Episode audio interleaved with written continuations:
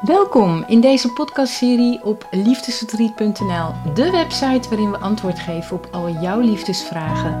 Zoals het terugwinnen van je ex, het verwerken van jouw liefdesverdriet of het oplossen van relatieproblemen. En vandaag heb ik weer een nieuw onderwerp voor je, dus luister mee en jij weet weer een stuk meer over jouw liefdesleven. Welkom lieve luisteraars. Vandaag een hele bijzondere podcast. Want zoals jullie weten, ik heb van de week heb ik een e-mail uitgestuurd met de vraag om input te geven voor deze podcast. Want ja, ik heb een collega uitgenodigd, helemaal uit België. Sylvia is hier. En jullie gaan zo dadelijk wat meer over haar weten. Ze gaat zich strakjes aan jullie voorstellen. Ik heb Sylvia uitgenodigd omdat zij, ehm, ja, ze, is me opgevallen gewoon als iemand die heel veel weet ook over angsten. En we hebben een leuke klik. We hebben elkaar veel online gezien via Zoom. En ja, we hebben ook de opleiding gedaan bij Hypnose Instituut Nederland. Zodoende heb ik haar dus uitgenodigd om vandaag eens te gaan praten over heel veel verschillende dingetjes die te maken hebben met uh, liefdesproblemen. En dan gaan we ook eens kijken samen hoe hypnose of hypnotherapie daarin ja, van betekenis kan zijn. Dus ik ga eerst eens aan Sylvia vragen om zichzelf voor te stellen. Welkom Sylvia in deze podcast. Hartstikke leuk dat je bent gekomen. Ze is van ver gekomen. 2,5 uur, 3 uur rijden met de auto. Yes, dat klopt inderdaad. Maar uh, meer dan de moeite waard. Dankjewel Marjolein uh, dat je me hier uh, wilde nou, alsjeblieft. ja, hartstikke leuk. Ja, ja dat klopt. Um, ik kom uit verre België, maar van oorsprong hè, Nederlandse zoals het wel te horen is. Ja. Ehm, nu acht jaartjes daar. En um, inmiddels dus ook vier jaar bezig met mijn praktijk. Ja. ik werk als angstbehandelspecialist. En ja, de naam zegt het natuurlijk al. Voornamelijk is mijn cliënteel ja, mensen die problemen hebben met verschillende soorten angsten. Mhm. uh, angsten, dat is wel een heel breed begrip natuurlijk. Ja, daarin kan het gaan van een, een spinnenfobie tot uh, sociale angsten. Uh, maar ja, ook een thema wat bij mij heel veel naar voren komt, dat zijn mensen die bepaalde angsten ervaren op het gebied van relaties. Hè? Dus bijvoorbeeld um, ja, een bindingsangst, mm. wat naar voren komt. Ja. maar wat ik ook wel zie is mensen die ja, zich angstig voelen in de relatie ten opzichte van hoe zij zichzelf moeten uh, gedragen. Um, dus daar zitten heel veel raakvlakken in natuurlijk met, um, ja, met jouw expertise. Ja, ja, ja, ja, klopt. Ja, heel leuk. Ja, inderdaad, want bindingsangst, verlatingsangst, hoe vaak komt dat wel niet voor? Dat mensen mij ook uh, mailen over deze problematiek. En dan, ja, dan hebben we ook meteen weer een linkje naar die hechtingstijlen waar veel over wordt gesproken. Ook in het boek van Sue Johnson. Ik heb hem hier liggen. Het boek van Houd me vast.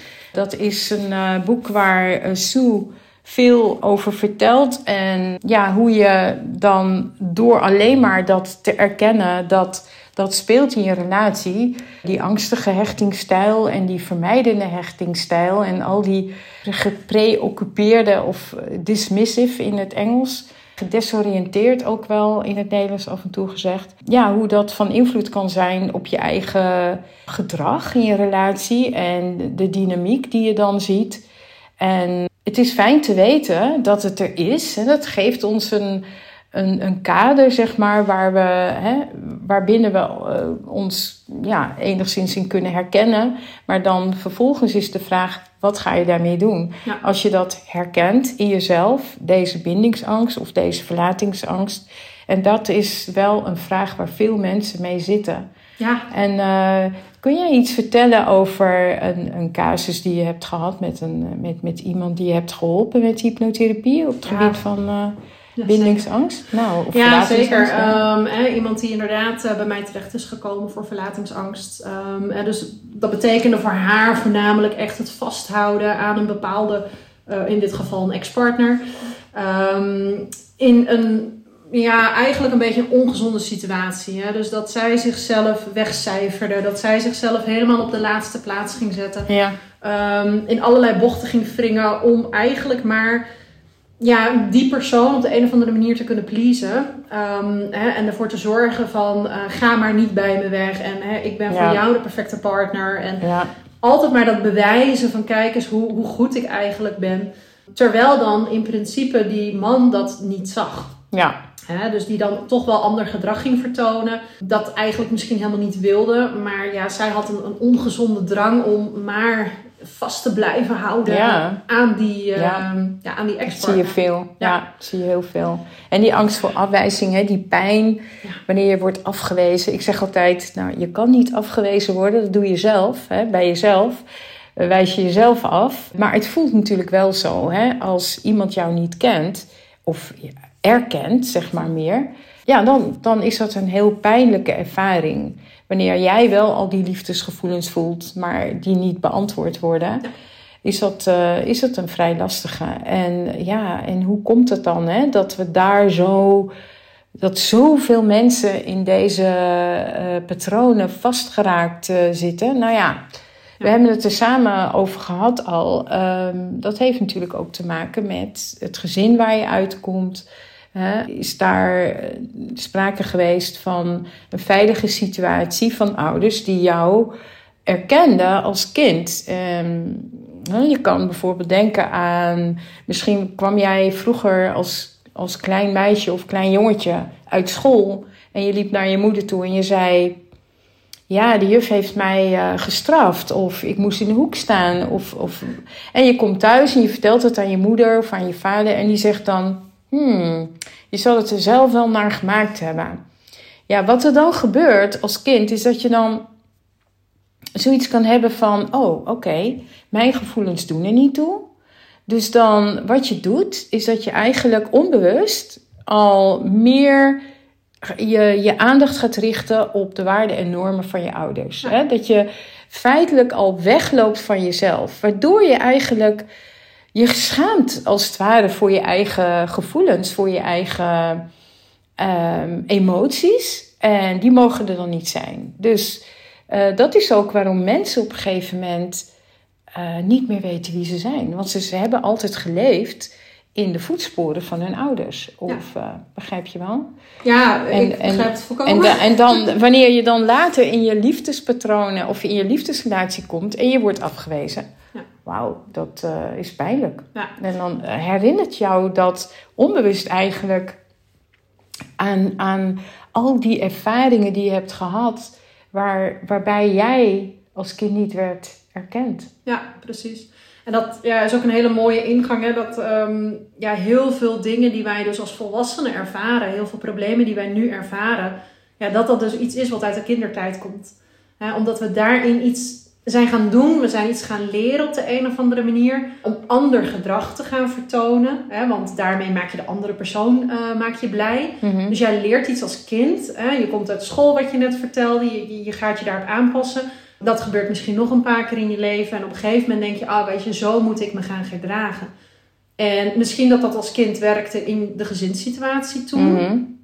Maar ja, Ja. nu in je volwassen leven heb je dat gedrag van jou als kind niet meer nodig. Nee, precies, dat, dat werkt dan niet meer. En, en daar komt weer hypnotherapie natuurlijk weer super goed van pas. Ja. Omdat we daar dan eh, in een hypnosesessie iets mee, mee kunnen. We kunnen dat veranderen. Die hele emotionele lading die daar nog steeds aanwezig is, ja, dat, dat kunnen we dan eh, mooi veranderen. En eh, ja, tot op heden zijn daar prachtige resultaten in, eh, in behaald. Nou, jij, Ja. jij, jij kent dat ook natuurlijk. Zeker. Ja, Ja. ja.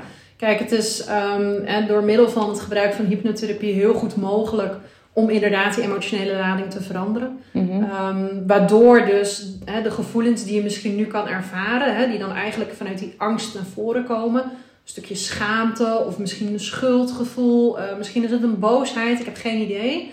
Ehm, maar dat die gevoelens inderdaad ja, als het ware geneutraliseerd Mm, worden. mm. Hè? En als Klopt. jij dat niet meer voelt, ja, dan heb je dus ook ja, eigenlijk geen lading meer zitten op, Ja. op die hele situatie. Ja, het, het gaat eigenlijk meer om je veilig voelen in jezelf. Want zolang je jezelf niet veilig voelt in je eigen lichaam, dan ga je het dus zoeken bij die ander. En, en ja, daardoor ontstaat dus veel stress en veel neiging tot de- depressieve gevoelens ook. Ja. Het, het hele bekende ik ben niet goed genoeg komt dan naar voren. En ja, dat is... eh, Dat is wel iets waar we ons echt veel meer bewust van moeten zijn. Dat we dat onszelf eigenlijk aandoen. Ja. Ik zeg altijd, dit is echt het verhaal wat je zelf vertelt, weet je. Waar jij in gelooft, in het verhaal wat je zelf vertelt. Ja. ja, dat maakt dat jouw externe realiteit ja, wordt gevormd. En je op een gegeven moment ook helemaal niet meer gaat zien hoe je het ook anders kan zien. Nee, Nee, nee je dat. begint eigenlijk allemaal dingen weg te laten. Ja, En je ziet op een gegeven moment alleen nog maar ja, datgene wat jij ja, wil zien. Ja. Maar ja, Ja. wil. ja, wil. Aan de ene kant wil je het niet, want je wil zo graag veranderen. Aan de andere kant ehm, ja, is dat wel waar, waar die focus op ligt of waar die aandacht op ligt. Ja, Ja, en, en dat stukje van bewust worden, ik denk wel dat dat ergens de eerste stap is. Hè? Dat je ja, absoluut. wordt, wordt eerst bewust van, oké, wat is eigenlijk hetgene wat hier speelt? Want Mhm. ehm, de uiting van jouw gedrag is gewoon het onbewuste proces. Ja, En dat is niet simpel om dat ineens uit jezelf op te lossen. Dat je ineens 's ochtends wakker wordt en denkt, oh, ik ga het anders doen. Ja, hoe lang hou je dat vol? Hè? Ja. Dat, is, dat is maar korte duur. absoluut. Ja. En je moet jezelf ook onderhouden Ja. door middel van trainingen of therapie of eh, veel lezen en, en veel steeds weer die bewustwording mediteren, mindfulness, yoga is ook heel erg goed hè? Ja, om tot rust te komen sowieso. Ja. Hè? De- stretchen. Als Ja, je stretch, stretchen. stretchoefeningen doet Mhm. voordat je een vergadering ingaat of voordat je een spannend gesprek gaat starten. Of misschien even met je partner wil, eh, wil babbelen. Mhm. En natuurlijk ook eh, de ademhalingsoefeningen, Ja, die zeker, zeker, heel zeker. erg belangrijk zijn. Ja.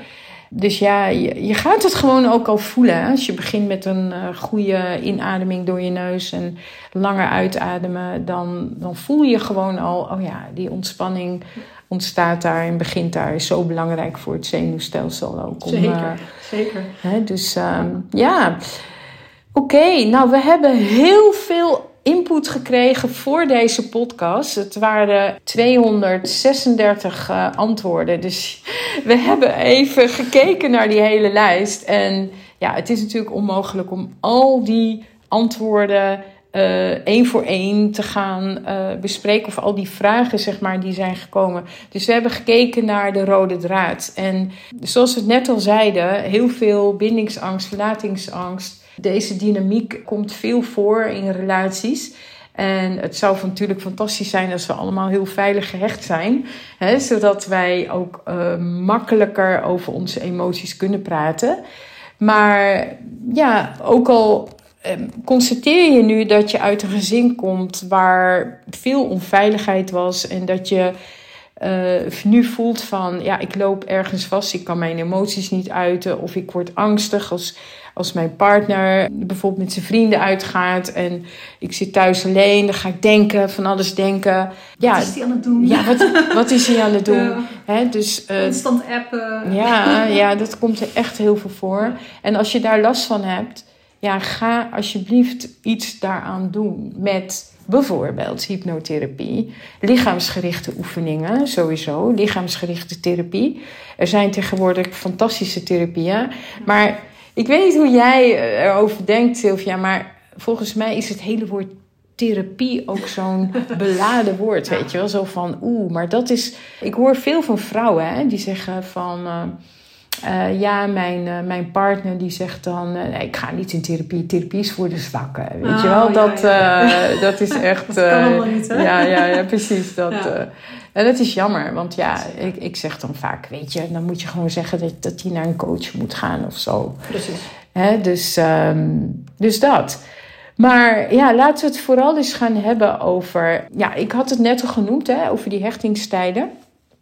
Nu is dat, uh, geeft dat een, uh, een mooi uh, raamwerk van waar, waarbinnen wij ons kunnen positioneren qua gedrag en wat het, wat het met ons doet als we, als we in, in relatie zijn. Maar er is nog een, een ander, ander model die ik echt zelf ook heel erg mooi vind.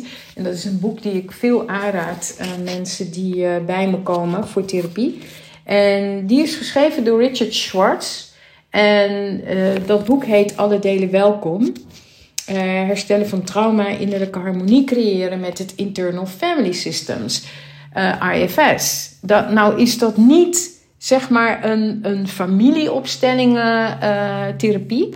Maar dat gaat meer om de innerlijke harmonie. En Richard die, die beschrijft dan ook dat ieder mens bestaat uit verschillende subpersoontjes. En als daar enig conflict is, ja, dan ervaar je onrust. Dus als bijvoorbeeld, hè, we hebben allemaal een creatief deel of een enthousiast deel of een deel in ons die zegt, oeh, doe maar even niet, verstop je maar, weet je, het is eng of zo om naar voren te komen. Als daar dus een disbalans is, dan ga je onrust ervaren. Dus uh, ik vind het eigenlijk nog een, een, een, een, een model wat, wat veel veel meer laat zien dan alleen maar het raamwerk van hechtingstijlen. En Richard die heeft dan ook voor uh, koppels een heel mooi boekje geschreven. En die raad ik echt elk koppel aan. En dat is, de titel klinkt ook zo mooi. Ja. Het is You are the one you've been waiting for. Dus in plaats van You are the one I have been waiting for, is het nu You are the one you have been waiting for. En dat is echt um, dat je elkaar gaat zien, zeg maar, als, ja, hoe moet ik het zeggen? Hij beschrijft het als ieder mens heeft een authentiek zelf. Mm -hmm. En dat authentieke zelf wordt overschaduwd door al die delen die met elkaar in conflict zijn. Ja. En als jij gaat leren om meer in verbinding te zijn met jezelf met je authentieke zelf, met wie je werkelijk bent. En je gaat leiderschap nemen over die innerlijke contrasterende delen, zeg maar. Ja, dan gaat er veel meer rust uh, ontstaan. Want ja, ieder mens heeft wel allerlei conflicterende delen hè, in, in zijn persoonlijkheid. En ja, dat, dat, dat is ook heel mooi als je als koppel samen bent en je hebt ruzie bijvoorbeeld. Dat je gaat meer gaat denken van, oh maar wacht eens even, die zegt, hij of zij zegt dat vanuit een boos deel. Maar ik weet ook, er zit nog zoveel meer in die persoon dan alleen die boosheid. Ja. Snap je wel? Ja. Ja, dus dat is, uh, dat is er eentje die ik uh, kan aanraden. Heb jij misschien nog ergens een, uh, een tip voor mensen die ehm, meer willen weten over ja, hoe zij om kunnen gaan met hun patronen? Ja, wat je net zo zei over die delen. Hè? Je had het mhm. over bijvoorbeeld een creatief deel, een boos deel. Um, maar hoe je delen in jezelf ook zou kunnen zien, is bijvoorbeeld de rol waar jij in staat. Ja. Want als partner heb jij een bepaalde rol die jij vervult. Ja. Um, daar zit bepaald gedrag aan, daar horen bepaalde kwaliteiten bij. Mm Maar stel dat je gaat kijken naar je buurvrouw. Um, dan heb jij een andere rol naar je buurvrouw. Jij doet niet hetzelfde naar je buurvrouw als wat je naar je partner doet. Ja. Jij doet niet hetzelfde naar jouw werkgever of je leidinggevende als wat je bij je buurvrouw doet. Ja. Uh, wanneer jij staat af te rekenen bij de kassa, dan heb je ook een andere rol. Dan ben je ja, ineens absoluut. klant. Ja. Dus dat is eigenlijk een beetje hetgene wat wordt bedoeld met die verschillende persoonlijkheden. Ja, ja, We zijn allemaal hetzelfde persoon, mm -hmm. maar toch in een andere rol. Ja. En waarom kunnen wij bijvoorbeeld wel um, als klant daar zelfverzekerd staan en zeggen van hé, hey, ik, wil, ik wil dit of ik wil dat of hè. Mm -hmm. En naar onze partner niet. Dat we daar ons laten kleineren of onszelf gaan wegstoppen. Hè? Mm -hmm. Dus dat is natuurlijk wel heel mooi om te kunnen zien van oh ja, oké, okay, weet je wel, er zijn verschillende delen in mij. En dat stukje van harmonie brengen. Uh, dat kan bijvoorbeeld zijn dat ja, de rol waarin jij heel krachtig en heel zelfverzekerd bent Um, dat die iets mag leren, eigenlijk aan dat onzekere ja, deel. klopt. Wat mm -hmm. je in je relatie ja, bijvoorbeeld uit. Ja. En dat is wel die, die harmonie die je dan op een gegeven moment gaat creëren. Want die delen hebben wij, maar zij kunnen elkaar iets bijbrengen. Absoluut. En dat is denk ik ja, een, een heel mooi iets wat wij in ons vak kunnen doen. Ja, ja, ja. Um, hè, dat, we, dat we die delen naar voren kunnen ja. halen en, Ja. en dat we daarin die harmonie kunnen creëren. Ja. Nou, wat ik, wat ik bijvoorbeeld vaak in sessies doe, hè, daarmee is dat ik de cliënt zeg maar laat communiceren met een van die delen. Maar dan meer vanuit compassie en nieuwsgierigheid. Zodat daar een goede relatie mee eh, ontstaat met die pijn, met dat, met dat deel wat pijn ervaart. Ja. Want doe je dat niet en stop je alleen maar die pijn weg. Ja, dat Ja, dan krijg je alleen nog maar meer pijn, weet je wel. Nee, het is, Nee, al- het is precies. altijd vanuit liefde en, en compassie dat je die dingen moet doen. Mm. Uh, en dat is ook wel een stukje accepteren natuurlijk. Hè? Van, Hmm. ehm, dat jij eigenlijk accepteert dat je die delen ook in je hebt zitten. Ja, En dat is helemaal oké. weet je, het is, het is helemaal prima. Maar het gaat er inderdaad om dat daarna die, die harmonie gaat komen. Ja. Ehm, en vanuit die liefde die verbinding gaat creëren. ja, En ja, Ja. dan gaan er enorme mooie dingen ja, plaatsvinden. ja. Ja. Want daar, daar doen we het voor, hè? Het Zeker. creëren van een mooiere wereld. Ja, absoluut. Ja. En dan, ja, zoals ik net al zei, hè, ben je opgegroeid in een, eh, in een, in een gezin waar, ja, ofwel onveiligheid was, of je werd niet gezien, of je, je, ja, je had heel veel verwarrende ervaringen eh, met een ouder die bijvoorbeeld dan weer heel erg lief en dan weer heel erg afstandelijk was. Daar hebben we het net ook over gehad samen, even voordat we de podcast eh, zijn begonnen is eh, dat er vaak gezegd wordt, ja, dat, dat die eerste zeven jaar, en dat is ook wel zo natuurlijk, hè, die zijn heel belangrijk in de opvoeding van een kind. Maar er is zelfs, het gaat nog verder dan dat. Weet je, het begint eigenlijk al in de baarmoeder en misschien al wel, nou, Ja, daar is ook wel onderzoek naar gedaan, daarvoor. Dus, dus alles wat je meeneemt van je voorouders, hè, Ja. en, en met name onze voorouders die bijvoorbeeld de Tweede Wereldoorlog eh, hebben meegemaakt. Hè? Ons, onze ouders en, en eh, al, die, al dat trauma schijnt dus in dat lichaam te worden opgeslagen. En jouw lichaam Ja. heeft in alle cellen van je lichaam, al die herinneringen liggen daar opgeslagen. En, en je krijgt het gewoon al, al mee. En dan, en dan ontsta jij in die baarmoeder. En dan, ja, als jouw moeder bijvoorbeeld al tijdens de zwangerschap al angstig was of heeft nare dingen meegemaakt, dan ga je dat als kind voelen. Weet je, dat, ook dat neem je dan mee. Het is echt bijzonder wat daar allemaal al eh, over bekend is. Er is eh, Anna Verwaal. Die heeft daar een hele mooie podcast. Moet je maar eens gaan googlen op From Womb to World. Dus van baarmoeder tot, tot wereld. Heeft daar een hele mooie podcast over gemaakt. Ik vond het echt heel erg interessant. Ze zegt ook in haar podcast hoe verbale, emotionele en somatische imprints een rol spelen in ons leven. Nou, Ja. ga maar eens luisteren. Het is echt, eh, echt super, super mooi om, eh, om te horen. Ja, dus, ja, wat je eh, ja. zegt hè, over die trauma's die worden doorgegeven. Ehm, het is sowieso wetenschappelijk bewezen dat trauma's tot zes generaties worden doorgegeven. Dus het, het kan misschien van ons zijn, hè, dat we zelf Ja. een ervaring hebben opgedaan. Misschien komt het van onze moeder, misschien onze Ja. oma, inderdaad, wereldoorlog. Maar misschien zelfs nog wel daarvoor. Ja. En ja, dat is dus heel bijzonder ja, hoe ver dat eigenlijk terug kan gaan. Ja, Tegelijkertijd, op het moment dat jij het dus verandert, dan ga jij dus ook veranderen voor de eventuele toekomstige generaties. Hè? Dus als jij moeder bent en jij verandert iets bij jezelf, ja, dan doorbreek je op dat moment eigenlijk die ketting. Absoluut, ja. En En dat- heb ik ook al eerder genoemd in een van mijn andere podcasts. Dat ik zei van, eh, ja, denk eraan als jij vader bent of moeder... en jij merkt in jezelf of in je relatie een, een negatief, negatieve dynamiek... en je loopt vast, zorg er dan, neem dan ook die verantwoordelijkheid om daar iets aan te doen, zodat jij die ketting kan verbreken. Dat is zo belangrijk wat je daar zegt. Ja. Ja, absoluut. Ja, Ja. dat is heel mooi. Hè? Dat, ehm, Ja. en, en vaak zie je dat ook wel. Hè? Als jij zelf in, op een bepaalde manier in een relatie staat. Hè? Of, of je hebt heel vaak dezelfde soort relaties die elkaar opvolgen.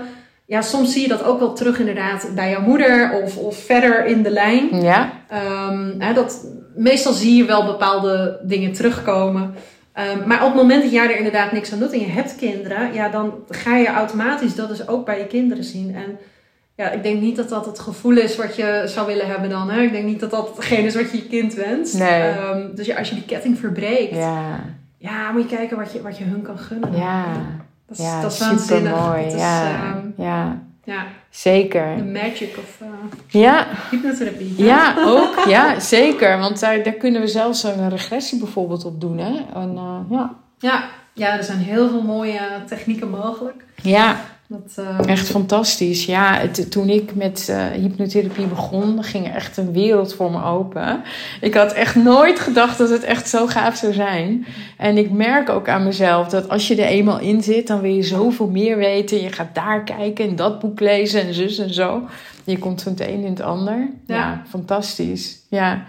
Alright. Uh, ja, want we, we hebben ook gesproken hè, samen over, uh, toen we aan het lunchen waren, over dat wanneer we in een relatie zitten, of tenminste, uh, heel veel mensen doen dat, die hebben zoiets van: nee, mijn partner moet veranderen. Ik hoef niet te veranderen, maar mijn partner moet veranderen. Of die, die willen dan ook een soort controle ook uitoefenen op die ander. En dan raken ze helemaal gestrest omdat het niet lukt.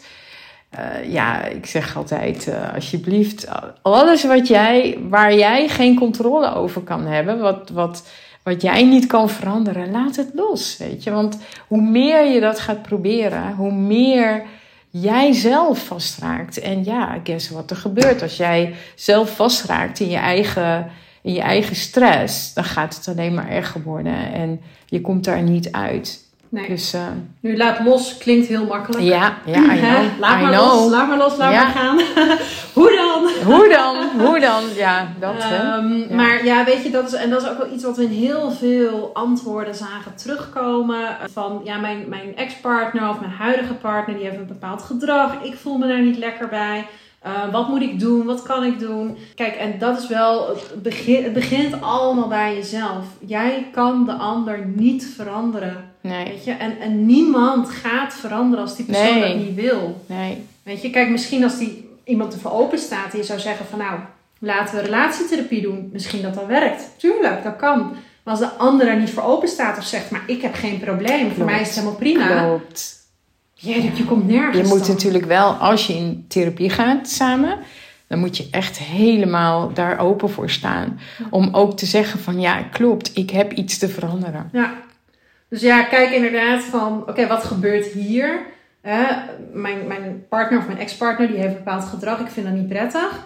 Maar wat kan jij doen? Of wat is hetgene wat er in jou speelt, wat je in die persoon ziet? Ja, ja, Ja. ja dat, is, dat is heel, heel erg belangrijk. En dat gaat natuurlijk om, bij, bij loslaten ook is heel veel moed nodig. Hè? Want, en en dat, dat moedige gevoel van, ja, ik kan dit. Of ja, het, het is moeilijk, oké. maar ja, je hebt daar gewoon echt heel veel moed voor nodig. Dat, dat weet ik. En dat vinden ook veel mensen vinden dat heel erg ehm, ja, moeilijk Ja. eigenlijk. Ja. Om, om ook die grenzen aan te geven van tot hier en, en, en ook echt heel duidelijk zijn. Dat vooral.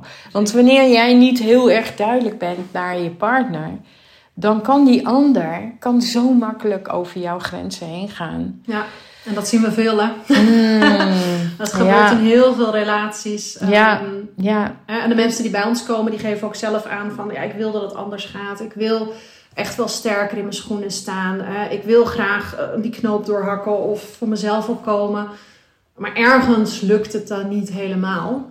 Ja. Ehm, ja, dat is Mhm. dan vaak de reden dat ze natuurlijk ook bij ons komen. ja, Maar alle kwaliteiten die jij nodig hebt om ja, de persoon eigenlijk te zijn wie je wil zijn, die Mhm. zitten al lang in jou. ja, Het is alleen van, oké, die moeten naar de voorgrond komen. Die Ja. moeten wat meer zichtbaar worden. Hè? Dat, Ja. dat je ze ook daadwerkelijk kan inzetten. ja. In plaats van dat ze helemaal verstopt zitten ergens in Ja.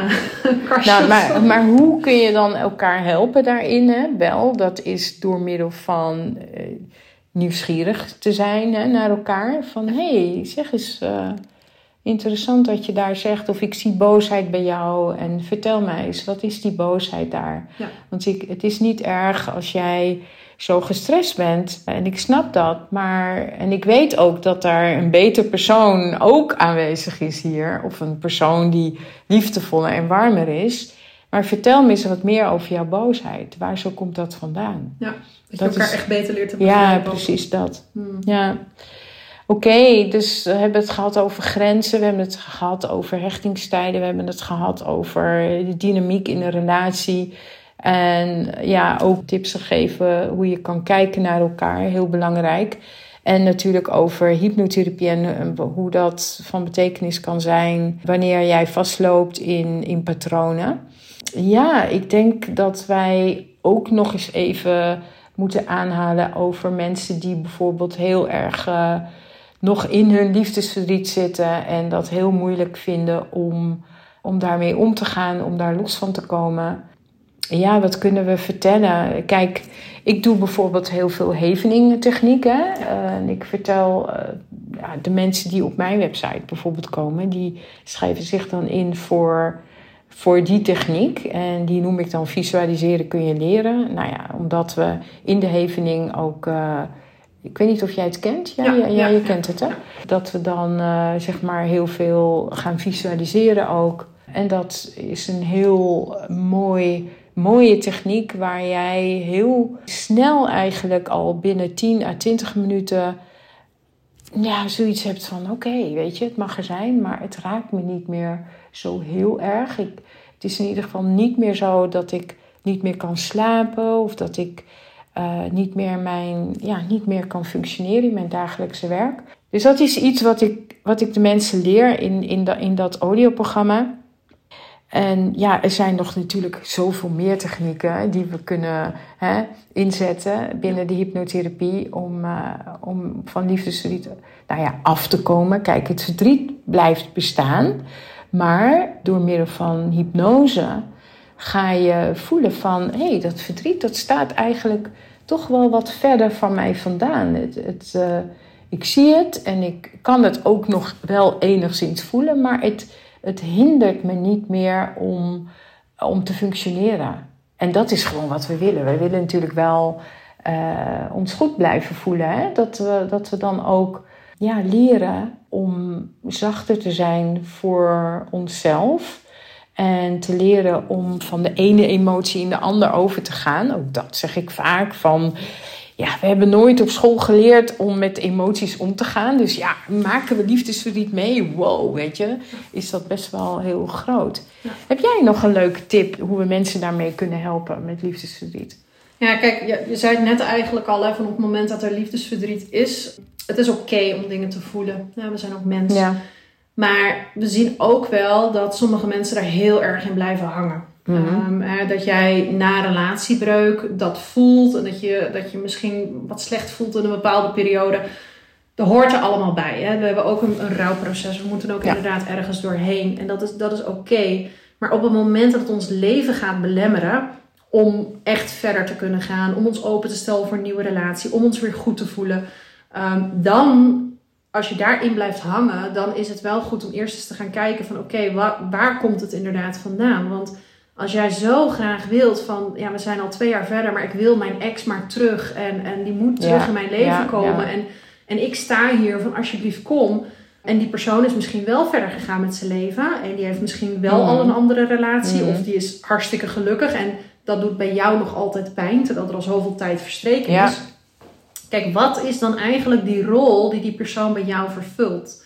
Want ergens ja, geeft hij of zij jou bepaalde gevoelens mm. um, die mm. jij dus buiten jezelf zoekt. Absoluut. Kijk, en dat is al heel interessant om mee aan de slag te gaan. Want ja. wat maakt nu dat die persoon nog steeds na zo'n lange tijd zoveel impact heeft ja, op jou? Ja, ja, ja, ja. En, en daarin wil ik weer even terughaken naar van, kijk, de dingen die in jou gebeuren daar heb jij controle over. Mm. Hè? En mm. als jij inderdaad zegt: Oké, ik ga hulp zoeken, dan is dat omdat jij dat wil, omdat jij iets wil veranderen in jezelf. Ja. En dat geluk hoef jij niet neer te leggen bij je ex of bij iemand anders. Nee, zo essentieel dit wat je hier zegt. Ja, ja. En, en op het moment dat jij die kracht uit jezelf gaat halen, die erin zit, alleen misschien weet je nu even niet, oh, hoe kom ik daar? Maar daar kunnen we je wel helpen, dat maakt niet uit. Maar die, die kracht, als je die uit jezelf gaat halen en je gaat wel die moed en, en dat goede gevoel ervaren, ja. dan heb je die ander dus ook niet nodig. Ja. En dan ga je misschien ook op dat moment leren meer van jezelf te houden. Dat je dat stukje compassie naar jezelf gaat krijgen. Ja, ja. En als jij ja, van jezelf houdt, en voor sommige mensen klinkt dat heel beladen, dat je denkt van ja, maar wat is dit? Ja. Maar op het moment dat je dat gaat voelen, dan ineens heb je ook de mogelijkheid om weer liefde voor een ander te kunnen voelen. Ja. En dan is die liefdes, liefdesverdriet er dus gewoon niet meer. Ja. Maar dat je een, een periode van liefdesverdriet ervaart na een relatiebreuk, tuurlijk. We zijn ook maar gewoon mensen. Ja, tuurlijk. Maar dat moet niet een belemmerende factor worden in je Nee, dat leven. is het vooral. Mhm. En als jij terugkijkt op iemand die denkt, ja, weet je, ik had die eigenlijk wel graag. Goh, dat was toch wel heel fijn om met die samen te zijn. Het is ook oké als dingen afgesloten worden en dat jij verder kan gaan. Ja? Maar soms Ja. ja. is dat iets wat je moet leren, soms is dat iets wat je in jezelf moet ontwikkelen. En voor de een is dat misschien makkelijker dan voor de ander. Maar er zijn zeker heel veel mogelijkheden voor. ja. En wat je er straks al noemde, ademhalingstechnieken om gewoon je lichaam al te ontspannen Mhm. een visualisatie om inderdaad gewoon jezelf te zien als iemand die liefdevol is, die krachtig is, die voor zichzelf kan opkomen. Het klinkt misschien allemaal een beetje dat je denkt van ja, maar dat kan ik niet. Maar probeer het. Probeer Ja. het met kleine stapjes. ja, zet kleine babystapjes. Ja, precies. en, en groei vanuit daar. Dat je het ook voor jezelf begint te voelen van, oh ja, dit voelt wel comfortabel. Ja. Maar ja, goed, weet je, ik heb eh, bijvoorbeeld door het toepassen van Hevening bijvoorbeeld, wauw, dat is zo krachtig, joh. Dan, pff, die mensen die kijken me aan en zeggen, huh, huh, hoe kan het nou? ik voel het allemaal niet meer. Maar goed, er zijn, daarnaast zijn natuurlijk nog, nog andere hele krachtige technieken hè, die we in de, in, met hypnose kunnen doen. En het is, eh, ja, magisch. Ja, Het is echt eh, een fantastische manier om met verdriet om te gaan. Want dat is wat we moeten leren. Ja. Eh, om, om er op een mooie manier naar te kijken, zeg maar. zeker. Ja. Maar als daaruit bijvoorbeeld een angst is gaan groeien van... eh, ja, niemand wil mij of eh, ik blijf voor altijd alleen. En allemaal ja, dat soort al dit soort gedachten. gedachten. Hè, dat, je, dat je een soort van angst begint te creëren door bijvoorbeeld een relatiebreuk. Want ook dat gebeurt natuurlijk wel heel vaak, dat mensen dat ervaren. Ze zijn enige tijd alleen geweest en die denken van er komt helemaal niemand meer op mijn pad. Ja. Het zijn altijd maar de Oh, ja, fouten. ja, altijd maar. Oh, ja, precies. Dus je gaat op, op de een of andere manier zelf in, in, een angst zitten. Ja, daar zijn onwijs mooie technieken voor om, Ja. die angstgevoelens Ja, aan te pakken, dat je die neutraliseert. ja, En dan, ja, een situatie blijft een situatie, daar veranderen we niks aan.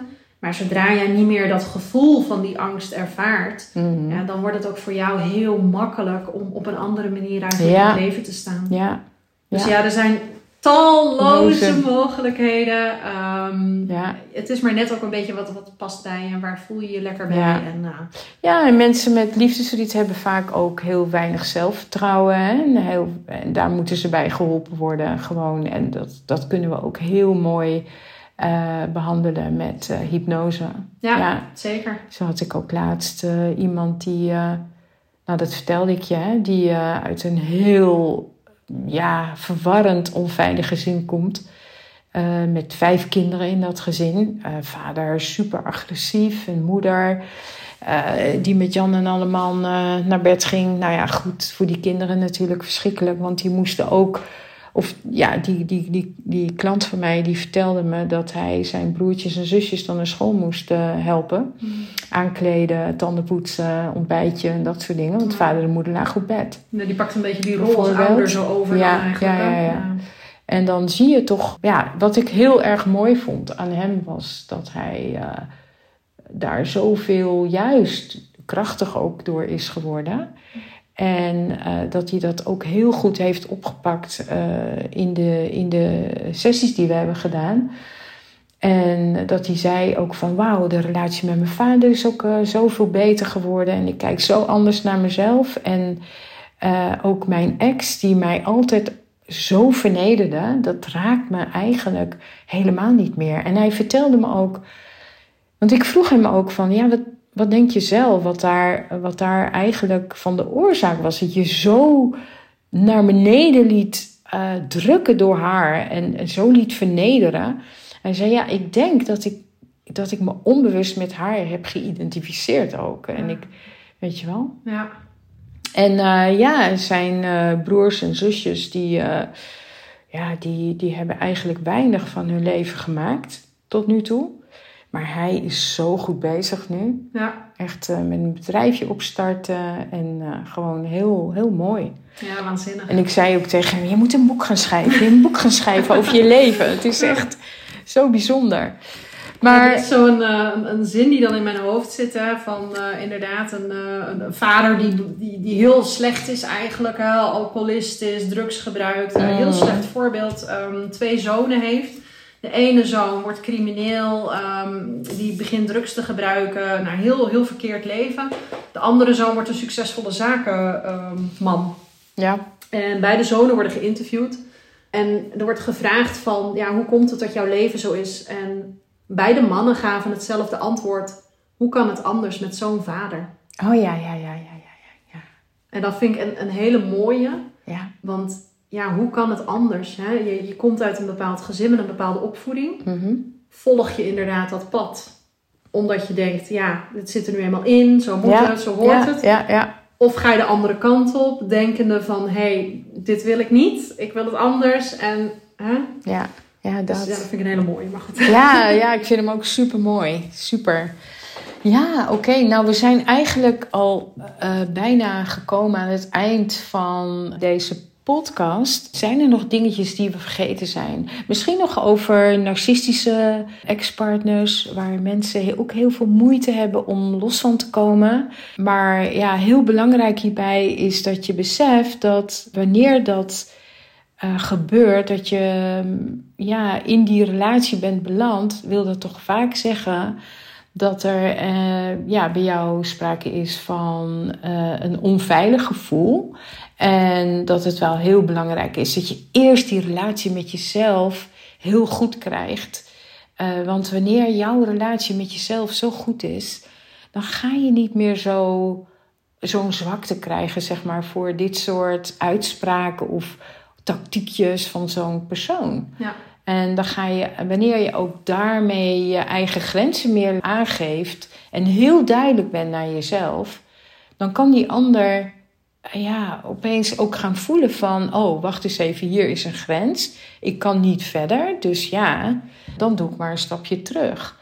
Maar goed, er zijn, ik weet het, er zijn heel veel die, die maar blijven stalken en maar blijven met hun eh, met gaslighting en weet ik veel wat voor technieken ze allemaal hebben om, om toch maar weer die controle te krijgen weer over een ex. Maar als, als het jou betreft en jij hebt dus een, een narcistische ex en die continu maar ja, jou stalkt, geef duidelijk je grenzen aan, weet je. Wees niet bang en zoek hulp vooral. Er is zoveel op dit gebied ook aan hulp.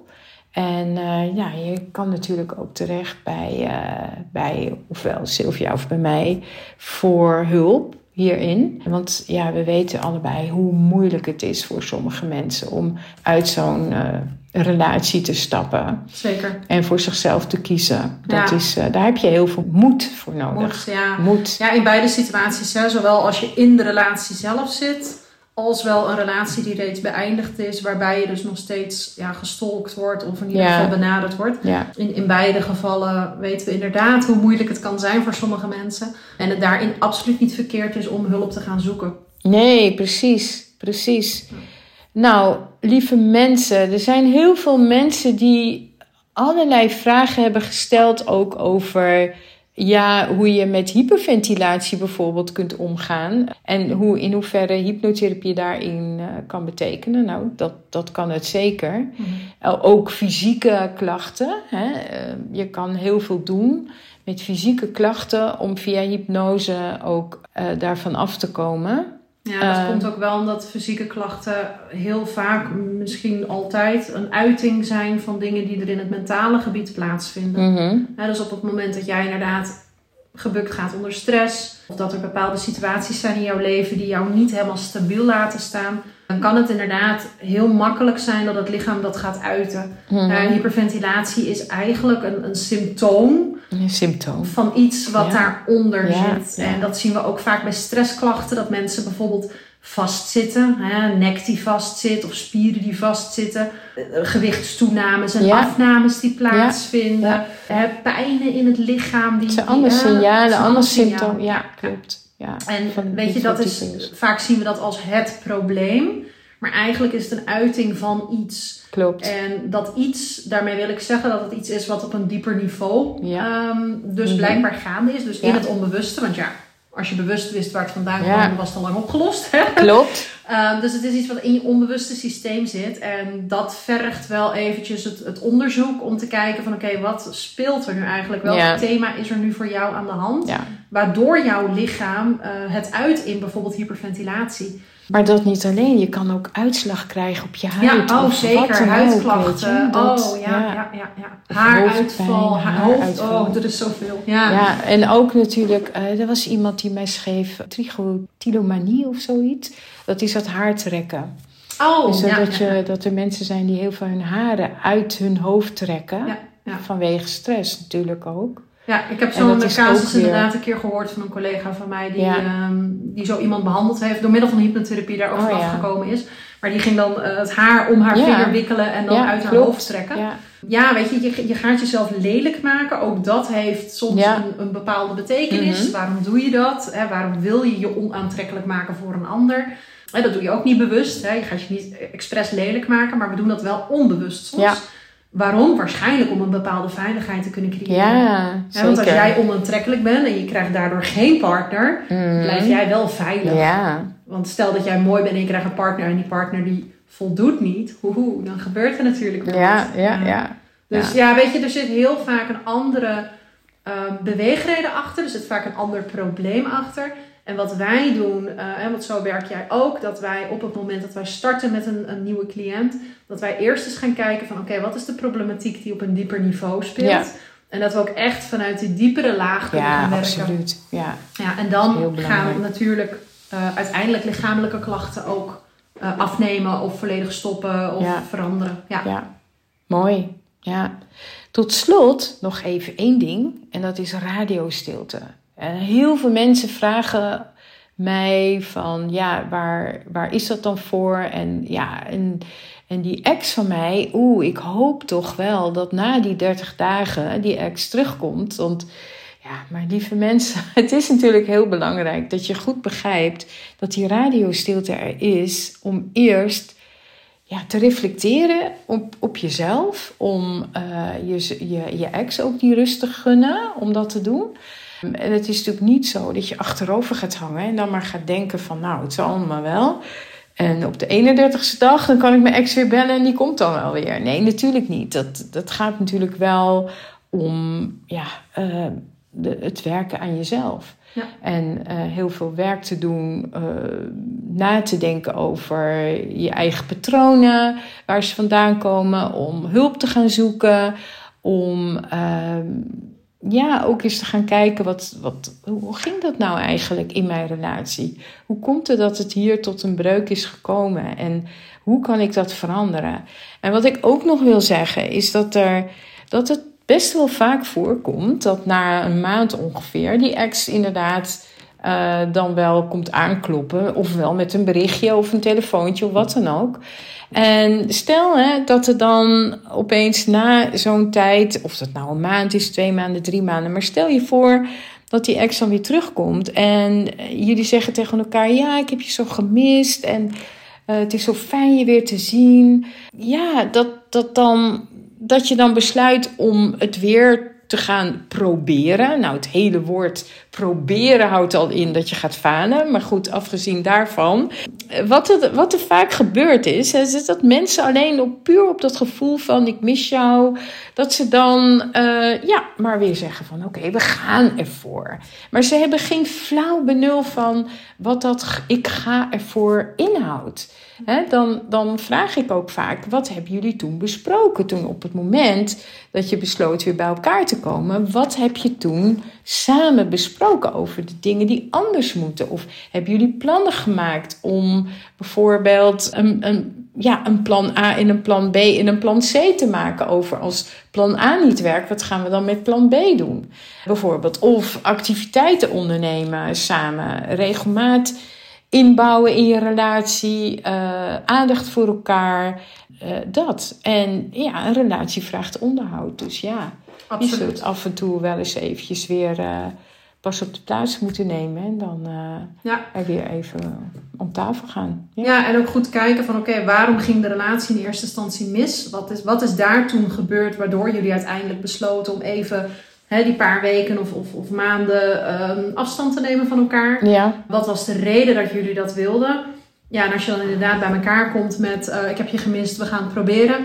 Dan is er niks veranderd. Hè? Ja, Dus inderdaad, wat was er toen wat misging? Wat zijn de afspraken die je daarover nu met elkaar hebt gemaakt? En daarin ook duidelijk je grenzen durft te stellen. Ja. Van hè, als, als dit opnieuw gebeurt, ja, dan is het misschien definitief. Of dan gaan we dat doen. Of die weg op. Of, Ja. Maar ja, er moet wel wat duidelijkheid komen. Ja. Ja, ja, ja, zeker. Absoluut. Oké, nou ik denk dat we nu wel heel veel dingen hebben behandeld die eh, heel belangrijk zijn om te weten. En ik hoop dat jij als luisteraar in ieder geval eh, hier ja, heel veel aan hebt gehad. Dat je het een waardevolle podcast vond. Ik heb overigens wel gemerkt ondertussen dat de camera is uitgevallen, helaas. Ja. Maar goed, we, we vinden daar wel een oplossing voor. Ehm, mocht je deze eh, podcast in ieder geval op YouTube kijken, dan weet je dat. Eh, en zo niet, heb, beluister je hem op Spotify, dan eh, ja, heb je hem gewoon als eh, audio.